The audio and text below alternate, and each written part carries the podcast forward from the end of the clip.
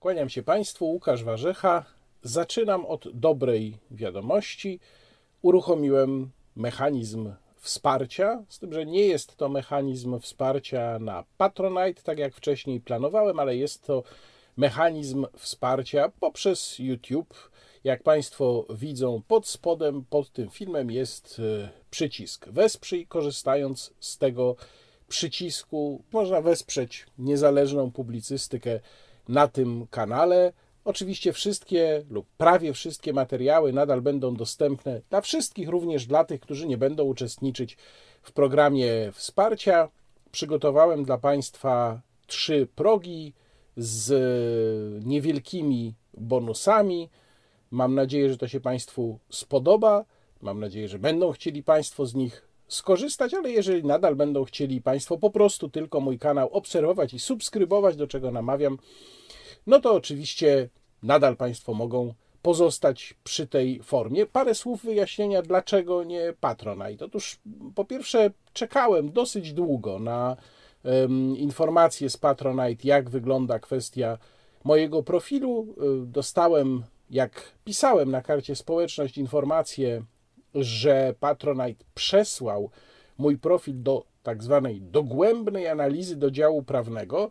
Nie wiem, co tam dział prawny dogłębnie analizował, bo później dostałem wiadomość zwrotną, w której zawarte były sugestie, żebym e, zmienił swoje progi, które tam ustaliłem i zaproponowałem, progi wsparcia. Właściwie nie wiem, dlaczego miałbym to robić i dlaczego Patronite'owi te progi, które wyznaczyłem się nie podobały oraz y, była tam y, również prośba, żebym e, napisał coś więcej o sobie.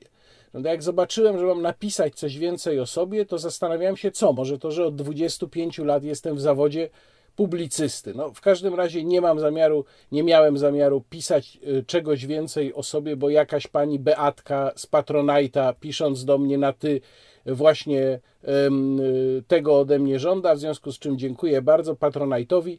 W przypadku YouTube nie było takich problemów, cała konstrukcja została zaakceptowana w ciągu godziny, zaskakująco szybko. Mogą z niej Państwo korzystać, mogą też Państwo z niej nie korzystać i nadal mieć dostęp do moich wideoblogów. Jednocześnie chciałbym bardzo podziękować pierwszym dziesięciu osobom, bo zanim zacząłem nagrywać, sprawdziłem, 10 osób już zdecydowało się dzisiaj od rana wesprzeć ten kanał. W tym jest dwóch mecenasów specjalnych, czyli z tego drugiego progu. Bardzo serdecznie wszystkim dziękuję, bardzo się cieszę. Mm, zobaczymy, jak to dalej będzie szło i zobaczymy, czy w ogóle ten model się sprawdzi. W przypadku niektórych moich kolegów się sprawdził, w przypadku innych nie. Niektórzy twierdzą, że jest to w ogóle model przyszłościowy, jeżeli chodzi o niezależne dziennikarstwo. Jak będzie, zobaczymy. Pierwszy temat, którym rzecz jasna muszę się dzisiaj zająć, to 11 listopada. Minęło od tego czasu już kilka dni, pewne rzeczy udało się ustalić, pewne rzeczy udało się uporządkować, i obraz tego dnia wydaje się dzisiaj nawet bardziej niepokojący niż 11 listopada, a to również za sprawą późniejszych reakcji, w tym Ministerstwa Spraw Wewnętrznych. O, zacznijmy od tego, że Ministerstwo Spraw Wewnętrznych opublikowało film z monitoringu z Ronda de Gola, gdzie jak wiadomo doszło do starć mm, agresywnych osób z policją. Tutaj zaznaczam, bo widzę, że ten fake chodzi powszechnie cały czas w internecie. Nie było żadnego szturmu na Empik, tak mogą pisać tylko osoby, które albo celowo kłamią, albo które nie znają topografii Warszawy, ponieważ tam po prostu jest brama taka przejściowa z szyldem Empiku, do którego wchodzi się w bok. I całe to starcie odbywało się w przestrzeni bramy. Tam nikt sklepu samego nie szturmował. Natomiast y, MSWiA publikując ten film, gdzie ja nie zaprzeczam, że były tam grupy chuliganów i doszło tam do starć policji z chuliganami. Jak policja reagowała, to jest inna sprawa. Y, tam zresztą też doszło do y, postrzelenia pana Tomasza Gutrego, fotoreportera tygodnika solidarność no, w okolicznościach, które moim zdaniem budzą jednak wątpliwości. Tu mogą Państwo zobaczyć ten fragment.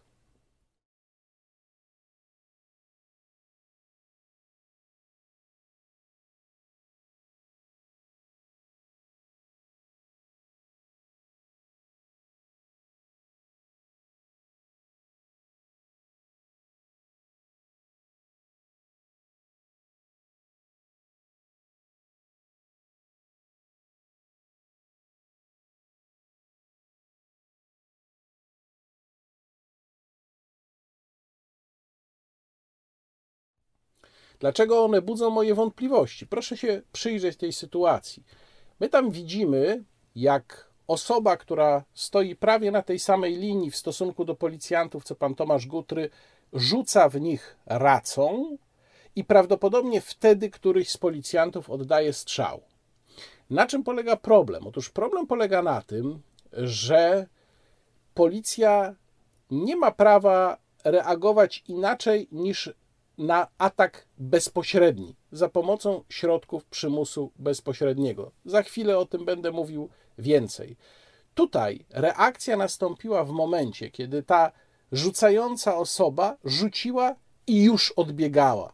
I znalazła się prawdopodobnie na tej samej linii, na której stał pan Gutry. I dlatego pan Gutry dostał gumową kulą właściwie w środek twarzy. Miał zresztą wielkie szczęście, bo gumową kulą również wystrzeloną z broni gładkolufłowej również można zabić. Innymi słowy, ten policjant, który strzelał, a mam nadzieję, że dowiemy się, kto strzelał i że sprawa zostanie dokładnie zbadana, nie odpierał żadnego ataku na siebie, bo atak już wcześniej nastąpił.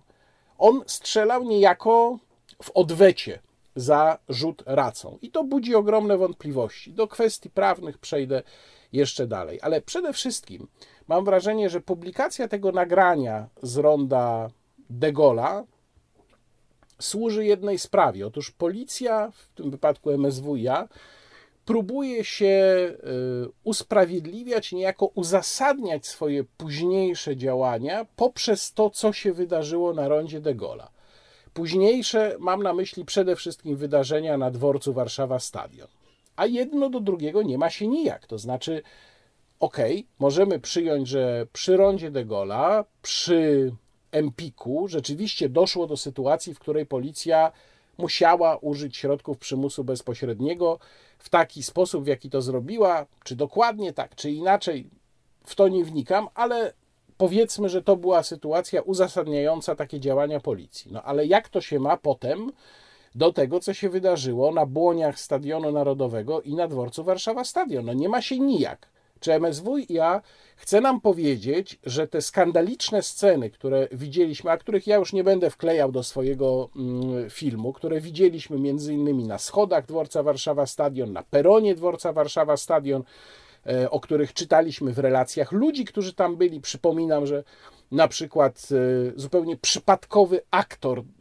telewizyjny, serialowy, który się tam znalazł, też został brutalnie pobity przez policję. Czy e, to, co się stało na rondzie de Gaulle'a, ma usprawiedliwiać niejako to, co się wydarzyło tam?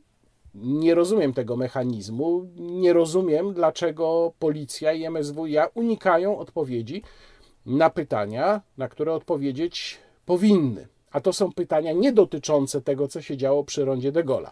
To są pytania dotyczące tego, co się działo kilka kilometrów dalej, czyli przy Stadionie Narodowym. Ale gdyby pójść po kolei, to pierwsze pytanie, na które MSWiA nie odpowiada, mało tego, politycy PiS w tej sprawie kłamią, ponieważ mówią, że nie została dotrzymana formuła, jaka miała być w tym roku, czyli formuła przejazdu zamieniła się w marsz. No tylko, że to sama policja zmusiła uczestników do tego, żeby zostawiali samochody, wychodzili z nich i szli piechotą.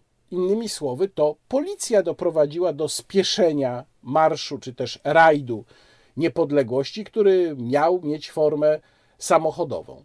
I to jest pierwsza sprawa, z której e, Komenda Stołeczna Policji oraz MSWiA i Komenda Główna zresztą też powinny się tłumaczyć dlaczego policja uniemożliwiła odbycie rajdu niepodległości w formie właśnie samochodowej. Druga sprawa, z której z całą pewnością policja powinna się tłumaczyć, to jest operacja przy Stadionie Narodowym i przy dworcu Warszawa-Śródmieście. Po pierwsze, tłumaczenia policji, które pojawiły się już 11 listopada, o tym, że grupy chuliganów blokowały wjazd karetek na Stadion Narodowy, są jakimś kompletnym absurdem. Jeżeli Państwo spojrzą nawet na Google Maps, ci z Państwa, którzy znają Warszawę i znają tamte okolice, nie będą mieli w ogóle takich wątpliwości, mogą się wręcz zdziwić, mm, czytając te tłumaczenia, ale jeżeli Państwo nie znają, to proszę sobie spojrzeć na Google Maps i proszę zobaczyć, w którym miejscu jest dworzec Warszawa Stadion, a w którym miejscu jest główny wjazd na teren Stadionu Narodowego. Otóż główny wjazd na teren Stadionu Narodowego jest położony kilkaset metrów od dworca Warszawa Stadion, bo na Stadion Narodowy wjeżdża się od strony Wisły, natomiast dworzec jest położony od tyłu. Więc jakiekolwiek grupy, załóżmy, że były to nawet grupy chuligańskie, które były na dworcu, nie mogły w żaden sposób, czy, czy nawet na błoniach Stadionu Narodowego, nie mogły w żaden sposób blokować tego wjazdu, który jest od kompletnie drugiej strony. Więc te tłumaczenia są całkowitym absurdem. Natomiast co zobaczyliśmy? No, zobaczyliśmy sytuację, w której przy Stadionie Narodowym nic się nie działo, na dworcu Warszawa Stadion nic się nie działo, do momentu, kiedy pododdziały zwarte policji przez Błonia ruszyły w stronę Stadionu Narodowego. I to uważam za kluczowy moment całej tej operacji, z której ktoś powinien się wytłumaczyć. W jakim celu to zostało zrobione? Dlaczego zaczęto szturmować te grupy o których można było przypuszczać, że zareagują tak, jak zareagowały, rzeczywiście leciały stamtąd kamienie na policjantów, tylko po co policjanci w ogóle tam podchodzili? To jest pytanie.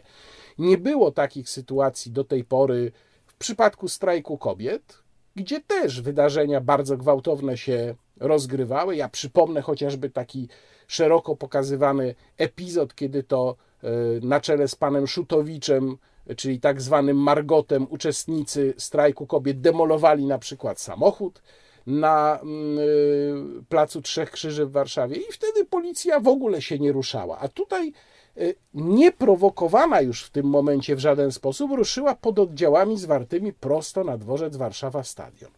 O co tu chodzi? Dlaczego? Po co? Trudno sobie to inaczej wytłumaczyć niż jako jakiś rodzaj prowokacji. I co dalej się dzieje? Policja, no rzeczywiście, prawdopodobnie jest obrzucona kamieniami tam gdzieś z terenu dworca. Wchodzi na ten dworzec. Pytanie, czy wchodzi w ogóle na właściwy peron, ale właśnie tam dochodzi do mnóstwa sytuacji, które potem są pokazane na filmie. Rzucanie granatem hukowym w stronę dziennikarzy, którzy stoją z boku schodów i bardzo wyraźnie nie biorą udziału w tych ekscesach.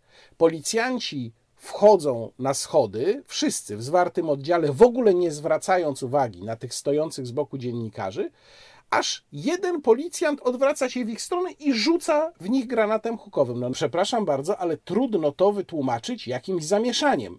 Nie wyglądało to na zamieszanie, wyglądało to wyłącznie na czystą złośliwość ze strony tego funkcjonariusza, który mam nadzieję również zostanie znaleziony i za to zachowanie ukarany. No i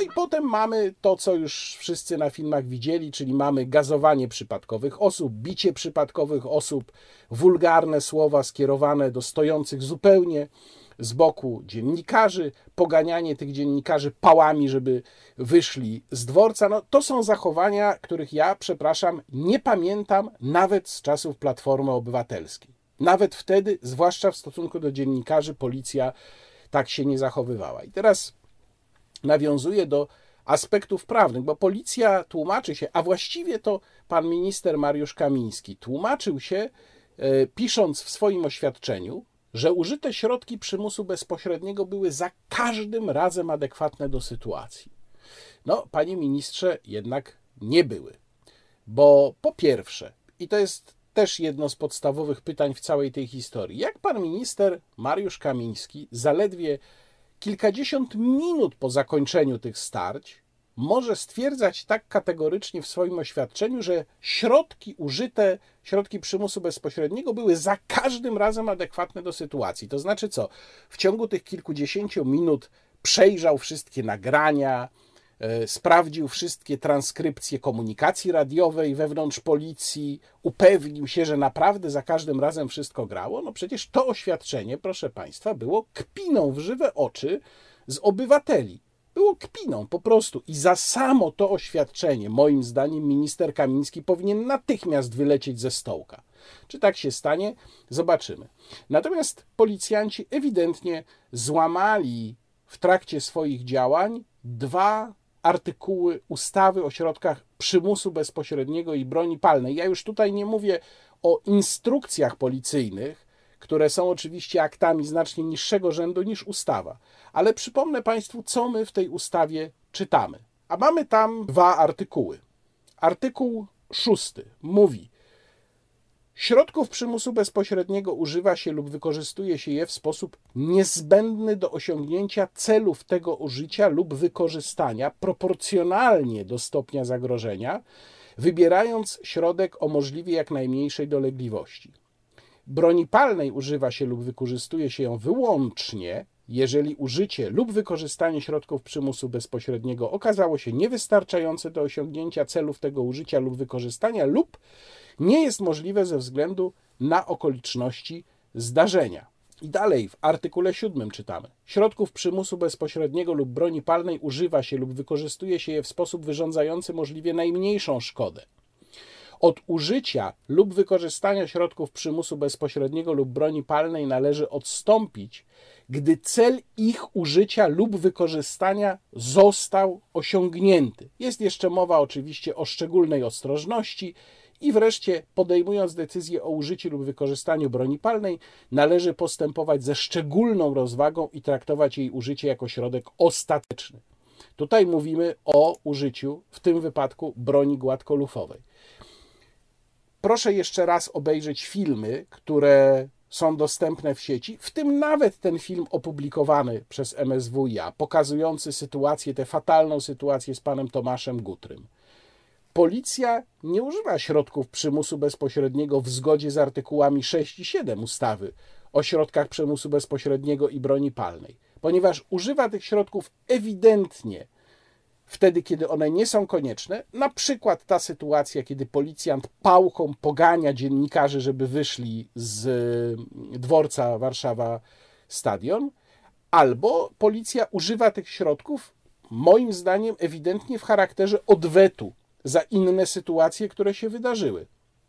Środki przymusu bezpośredniego, a zwłaszcza broń palna, w tym również gładkolufowa, tutaj nie ma żadnego rozróżnienia, to jest też broń palna, strzelba gładkolufowa. Ustawa nie rozróżnia tych rodzajów broni. Mówię o ustawie o środkach przymusu bezpośredniego i broni palnej. Broń palna to broń palna po prostu. Jej można użyć tylko wtedy i tylko do momentu, kiedy jest niebezpieczeństwo dla funkcjonariusza.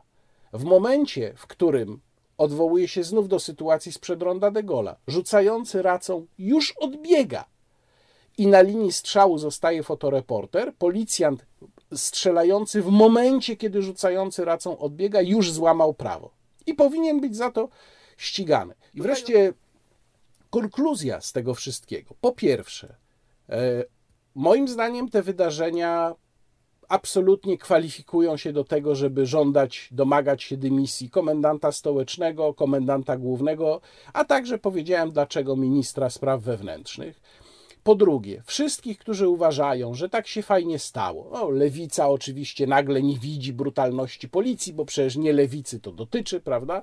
Mimo, że tej brutalności oczywiście nie było w czasie wcześniejszych e, demonstracji dotyczących strajku kobiet. Owszem, ona była wcześniej kiedy? Podczas tak zwanego strajku przedsiębiorców, czy protestu przedsiębiorców prowadzonego przez Pawła Tanajnę. Wtedy to się zaczęło. Jeżeli pozwoli się policji tak działać, a mamy tu ewidentnie powrót do reguł sprzed 2015 roku, to nic jej już nie powstrzyma. Każda władza będzie jej tak używać. Z mojego punktu widzenia oświadczenie ministra Kamińskiego było po prostu aroganckie i bezczelne i sygnalizuje bardzo złą tendencję. Pan minister ma mianowicie tendencję do obrony swoich ludzi, niezależnie od wątpliwości, bez dochodzenia, dając im czek in blanco na nadużycia. Moim zdaniem jest to absolutnie argument za tym, żeby przestał być ministrem. I jeszcze dwa słowa na temat politycznego aspektu tej sprawy, chociaż ja już o tym w kilku miejscach mówiłem i pisałem, ale powiem jeszcze raz.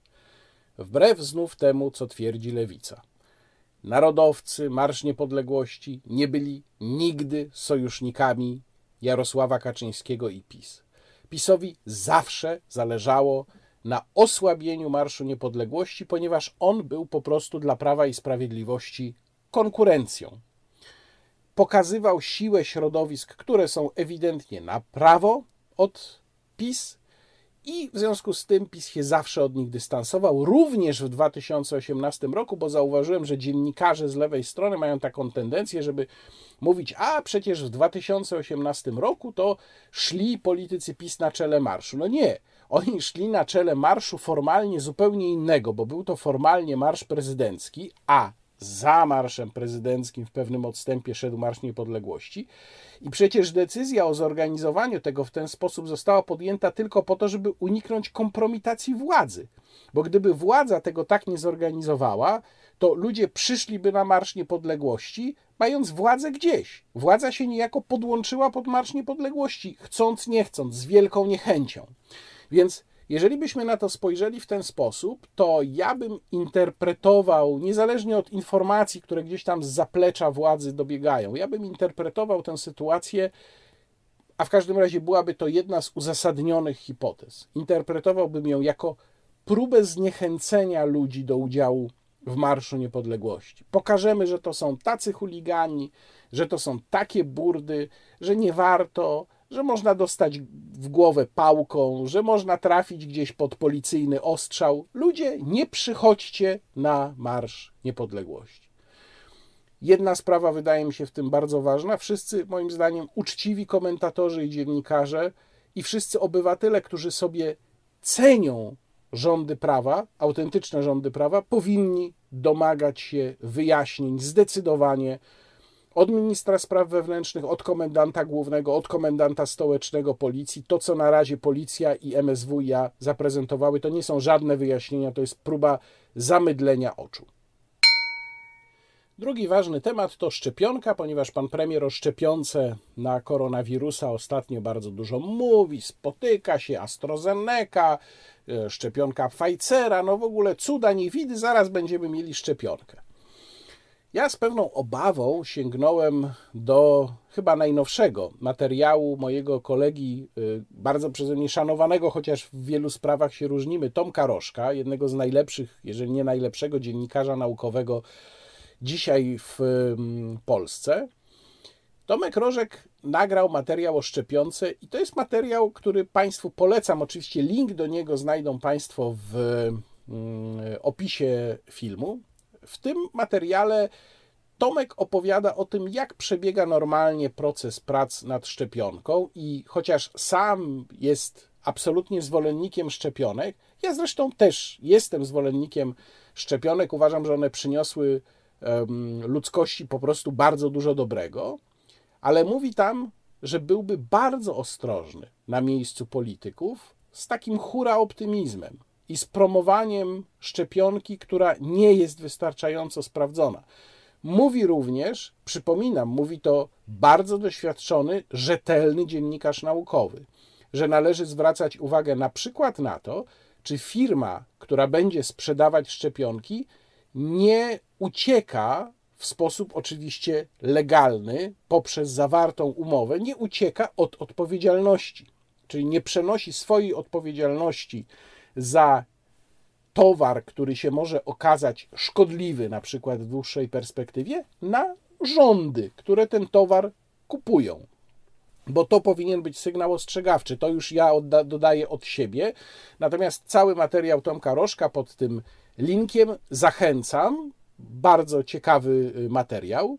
I tu warto zauważyć parę rzeczy. Na przykład w drugim dopiero rzucie, jeżeli chodzi o szczepionkę Pfizera, bo najpierw oczywiście był wielki entuzjazm, mamy szczepionkę super, hiper, ale w drugim rzucie dowiedzieliśmy się od przedstawicieli tej firmy, tu znów nawiązuję do materiału Tomka Rożka, który bardzo ładnie to ujął, mówiąc, że ta informacja o szczepionce Pfizera była informacją biznesową, nie naukową, ponieważ naukowcy nie mieli możliwości zweryfikować żadnych danych z badań nad tym preparatem. Więc była to informacja biznesowa, nie naukowa. Otóż dopiero w drugim rzucie dowiedzieliśmy się na przykład o tym, że przynajmniej w obecnej postaci ta szczepionka musiałaby być przechowywana i przewożona w temperaturze minus 70, minus 80 stopni. Czyli po pierwsze, musielibyśmy mieć całą flotę pojazdów dostosowanych do przewożenia substancji w takiej temperaturze. Po drugie, musielibyśmy mieć dostosowane ośrodki, które miałyby tę szczepionkę wydawać, do przechowywania jej w takiej temperaturze. No moim zdaniem wyklucza to większość zakładów podstawowej opieki zdrowotnej, które takich warunków po prostu nie mają. Więc to już stawia nad tą szczepionką znak zapytania. Wielu z Państwa pewnie zauważyło, że w bardzo zresztą dobrze poprowadzonej przez Piotra Witwickiego w Polsat News rozmowie pan minister zdrowia, pan Adam Niedzielski, użył takiego sformułowania, że zamierzamy zaszczepić całą populację 31 milionów ludzi. To się przebiło do opinii publicznej. Zabrzmiało to tak, jakby rząd się wycofywał ze swojej pierwotnej deklaracji o dobrowolności szczepień, ale już mało kto zauważył, że jakiś czas później w tym wywiadzie pan minister jak gdyby swoją wypowiedź złagodził. Proszę posłuchać. Panie ministrze, mówił pan dzisiaj wraz z premierem sporo o szczepionce. No wiemy, że ona do końca nie jest jeszcze gotowa, tylko pytanie, czy my jesteśmy dziś gotowi? No może dziś to jeszcze nie, ale czy będziemy gotowi na szczepionkę? Bo to jest e, niezwykła operacja logistyczna. Tak, zdecydowanie to jest potężna operacja logistyczna. My planujemy zaszczepić całą populację dorosłych. Ta populacja dorosłych e, jest w tej chwili wynosi 31 milionów ludzi, bo tyle osób ukończyło 18 lat, to jest ponad 31 milionów ludzi. Jeżeli mówimy o tak masowym szczepieniu, no to dochodzi jeszcze kwestia liczby ludzi, którą będziemy chcieli zaszczepić, bo e, podejrzewam, że y, ta skłonność do szczepienia, mam nadzieję, że będzie zdecydowanie większa niż do tej pory w przypadku różnych chorób. No i właśnie, pan minister potem mówi, że ma nadzieję, że skłonność do szczepień będzie wyższa że będzie wysoka. No, tutaj można by powiedzieć, że pan minister chyba się jednak trochę myli. W ostatnim czasie w Polsce zostały przeprowadzone dwa badania opinii publicznej dotyczące skłonności do szczepień na e, wirusa SARS-CoV-2. Jedno z tych badań zostało przeprowadzone przez firmę Kantar e, i ono było przeprowadzone dla grupy LuxMed. Drugie e, badanie było dla Super Expressu przeprowadzone przez Polstera. I w obu tych badaniach wyniki wskazują, że Polacy nie mają wcale ochoty szczepić się na SARS-CoV-2, czyli nie przekonano nas. Otóż w badaniu Kantaru dla LuxMedu 52% zadeklarowało, że nie chce się zaszczepić.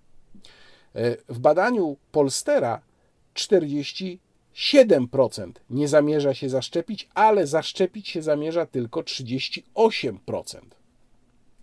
Ciekawostka, w Niemczech e, jest bardzo podobnie. E, zaszczepić się chce tylko 40% ludzi. Czyli ta niechęć do szczepienia i brak zaufania do szczepionki, która zostaje opracowana szybko, pod presją polityczną, nie wiadomo, czy będzie dobrze sprawdzona, to jest dosyć powszechne, jak się okazuje. Nie jest to tylko przypadek Polski. I wreszcie jeszcze jedną rzecz czy wątpliwość chciałbym rozwiać.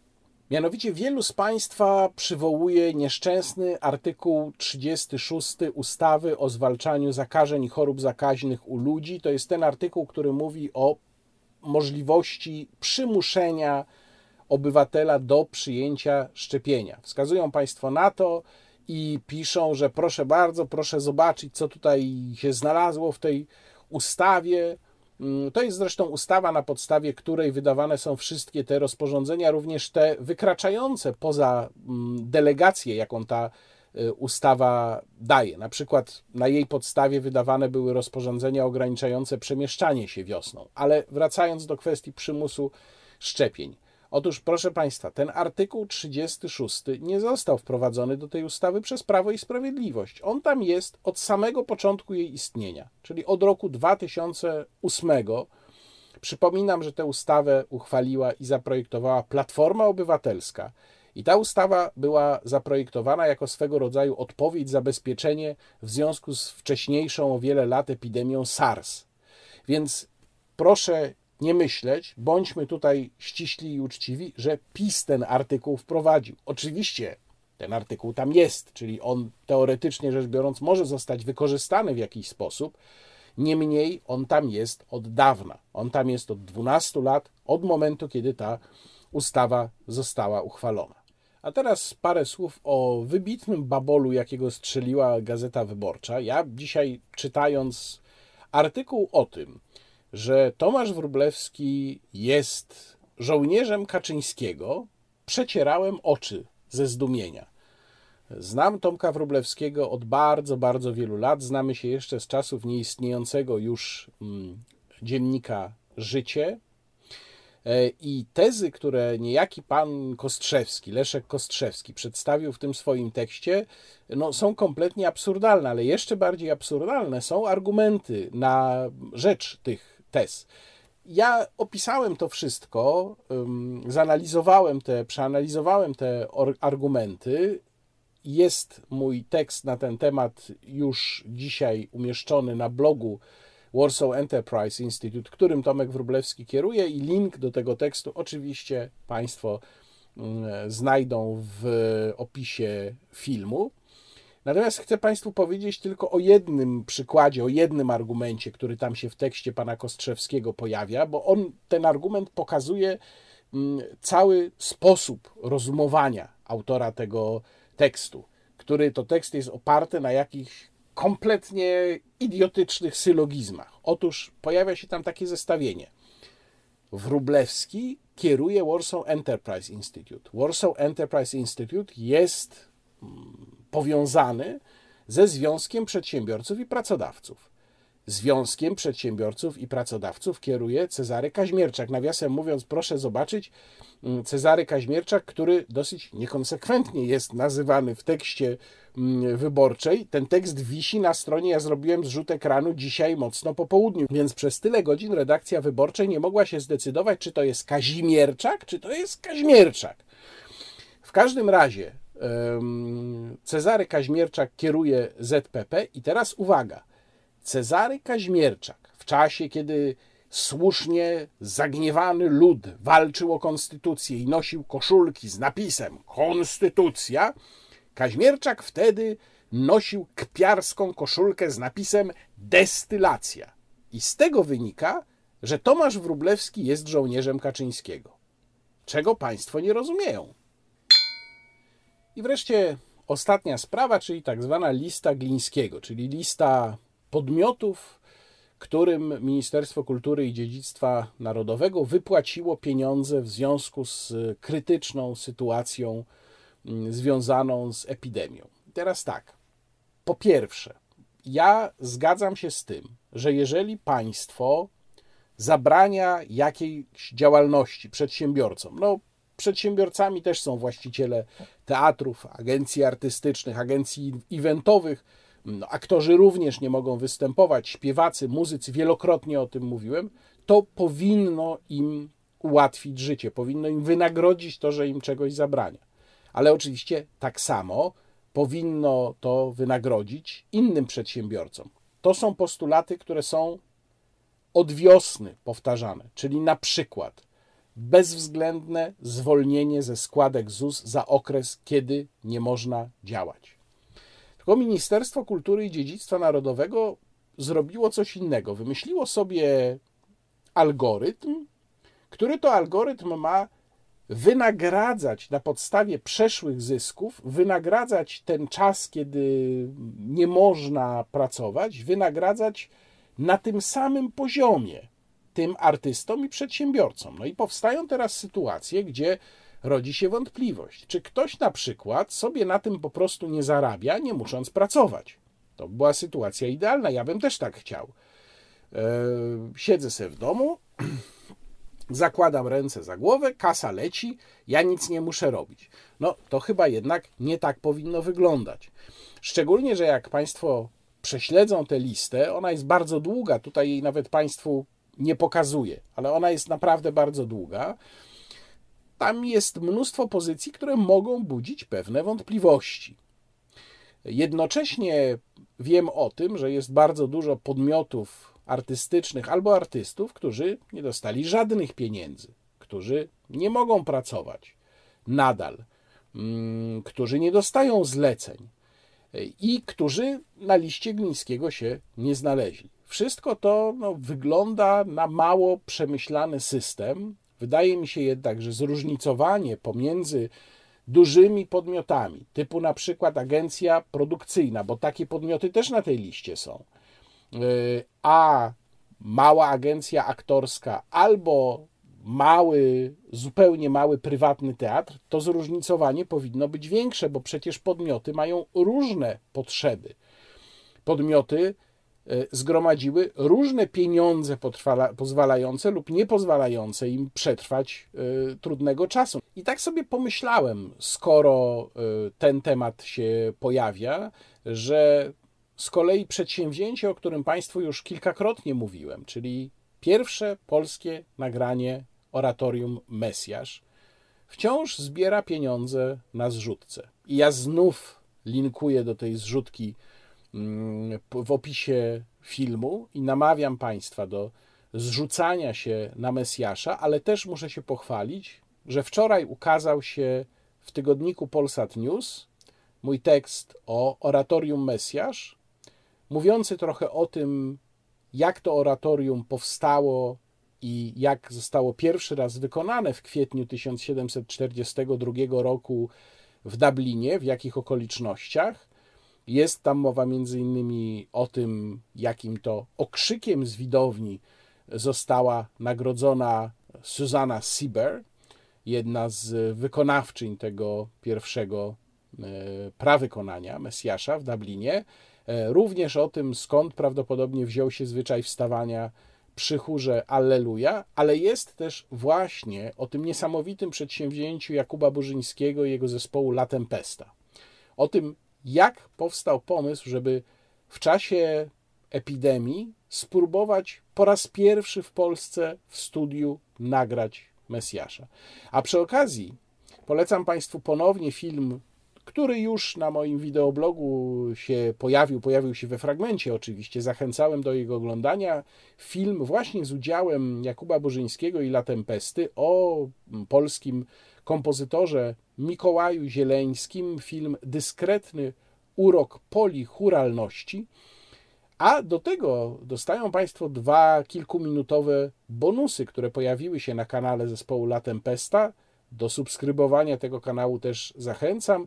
To są dwa piękne utwory, które w całości w filmie się nie zmieściły, a teraz w dwóch tych krótkich filmach się pojawiają.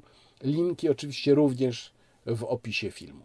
Na dziś to wszystko. Ja po weekendzie wyruszam w pierwszą od dawna, podkreślam, służbową podróż. Będę miał przyjemność poprowadzić najpierw we Wrocławiu dyskusję, która później znajdzie się na YouTubie. Dyskusja będzie o tym, czy potrafimy wciąż jeszcze prowadzić ze sobą jakoś w Polsce dialog, a potem we wtorek w Krakowie wezmę udział w Open Eyes Summit. Będę tam w takiej dyskusji zwanej potyczką z Markiem Migalskim rozmawiał o tym, jak zmienił nas, jak zmienił Polskę rok 2020. Transmisję tego wydarzenia też Państwo e, z pewnością znajdą w internecie. Ja oczywiście będę się dzielił tutaj mm, e, linkami. E, mam nadzieję też, że uda mi się być może na użytek tego wideobloga przywieźć z Krakowa ciekawą, krótką rozmowę, którą wtedy Państwu zaprezentuję. Mój wideoblog, rzecz jasna, trafi do Państwa również w formie podcastu w serwisie SoundCloud. Przypominam, że od dziś mają Państwo możliwość kliknięcia w przycisk Wesprzyj pod tym wideoblogiem. Bardzo dziękuję. Łukasz Warzecha, kłaniam się i do zobaczenia.